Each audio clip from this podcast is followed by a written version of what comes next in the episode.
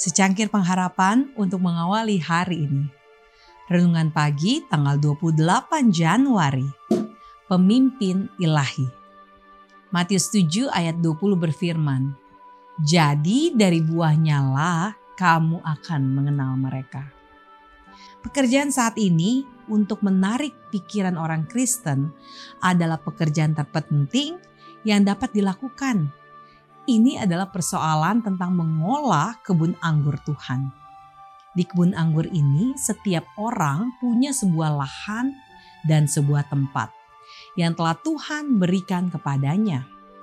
Dan keberhasilan masing-masing bergantung pada hubungan pribadinya dengan Sang Pemimpin Ilahi.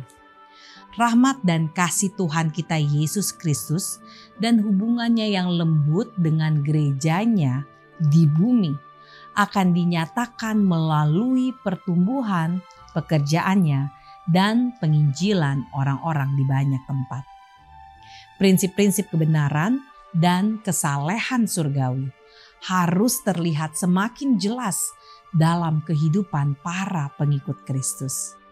Lebih banyak ketidakegoisan dan ketidaktamakan terlihat dalam transaksi bisnis daripada yang terlihat di gereja-gereja sejak pencurahan Roh Kudus pada hari Pentakosta. Bukan sisa-sisa dari pengaruh egoisme, melainkan monopoli duniawilah yang menyebabkan kesan yang begitu kecil di antara orang-orang yang sedang menantikan dan bekerja serta berdoa untuk kedatangan kedua kali Tuhan dan Juru Selamat kita Yesus Kristus di awan-awan surga dengan kuasa dan kemuliaan yang besar.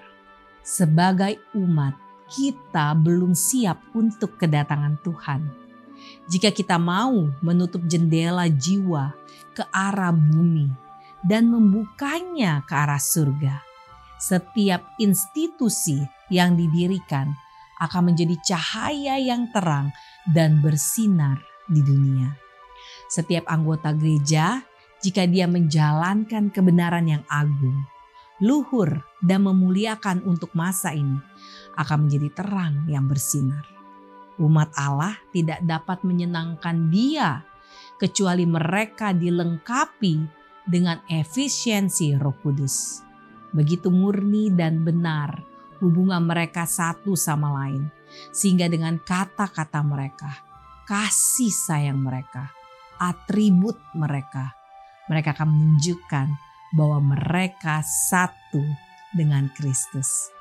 Hal tersebut harus menjadi tanda dan keajaiban di dunia kita yang dengan cerdas diteruskan pada setiap lini pekerjaan. Dan bagian-bagian yang berbeda dari pekerjaan itu harus berhubungan secara harmonis satu sama lain. Sehingga semuanya akan bergerak seperti mesin yang diatur dengan baik. Kemudian, sukacita keselamatan Kristus akan dipahami, maka tidak akan ada lagi penggambaran yang sekarang dibuat oleh mereka yang telah diberikan terang kebenaran untuk disampaikan, tetapi yang belum menyatakan asas kebenaran dalam hubungan mereka satu sama lain, yang belum melakukan pekerjaan Tuhan dengan cara yang memuliakan Dia. Doa kita hari ini, ya Tuhan, ajarlah kami untuk mengasihi orang-orang yang ada di sekitar kami maupun musuh kami.